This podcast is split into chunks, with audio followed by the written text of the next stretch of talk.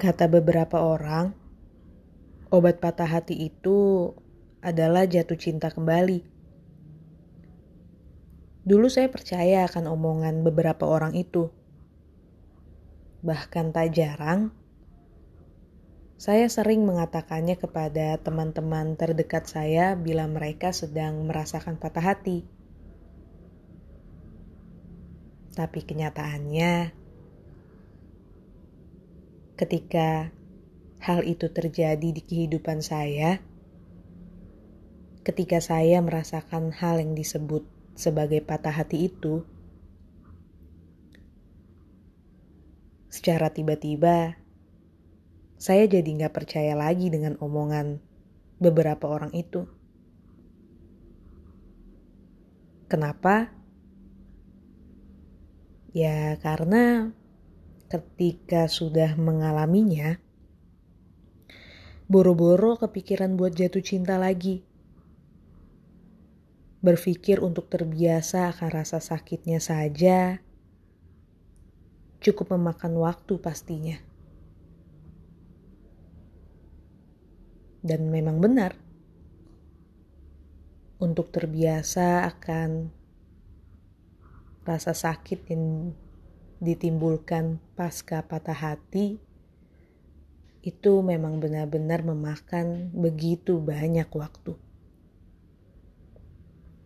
Selain itu, ternyata memang benar apa yang dikatakan oleh teman saya yang ceritanya sempat saya ceritakan di konten podcast beberapa waktu lalu. Dia pernah bilang ke saya kayak gini. Ketika kala itu saya mengatakan hal yang sama seperti yang dikatakan oleh beberapa orang itu. Agar teman saya itu secara segera bisa menemukan seseorang yang membuatnya jatuh cinta kembali. Mendengar omongan saya itu, teman saya mengatakan hal ini. Nanti, di suatu waktu, lo pasti akan merasakan dan tahu sendiri bahwa omongan beberapa orang yang lo dengar itu sama sekali gak bisa menyembuhkan patah hati lo nantinya.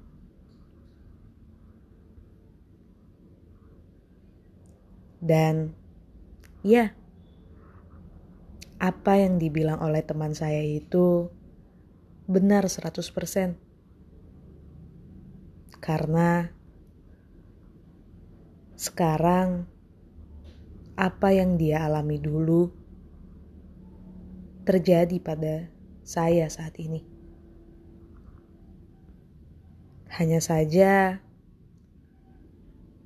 ada yang berbeda Teman saya di saat patah hati, dia selalu mengulang cerita tentang perempuan yang membuatnya jatuh cinta itu dan sekaligus merasakan rasa sakit akibat patah hatinya. Sedangkan saya, saya sama sekali nggak mau mengulang cerita tentang pria itu kepada siapa pun.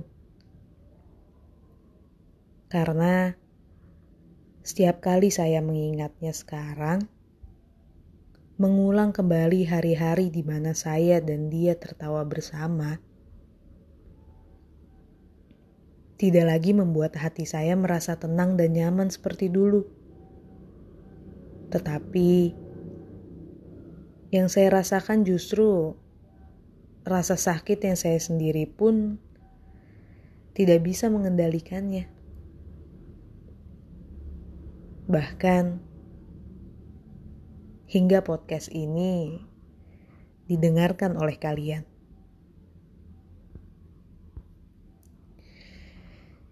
Ya, walaupun saya sama sekali nggak bisa mengendalikan rasa sakit akibat patah hati itu bagaimanapun bagaimanapun juga, saya harus tetap menerimanya, bukan? Agar suatu hari nanti, meski butuh waktu yang begitu lama, rasa sakit ini akibat patah hati itu pasti akan menguap dengan sendirinya, kan? Iya, kan? Meski pada akhirnya saya pun sadar, mungkin nanti saya akan memandang beda soal rasa suka, jatuh cinta, atau bahkan menyayangi seseorang ke depannya. Tentunya itu semua terjadi karena patah hati yang saya rasakan pada saat ini.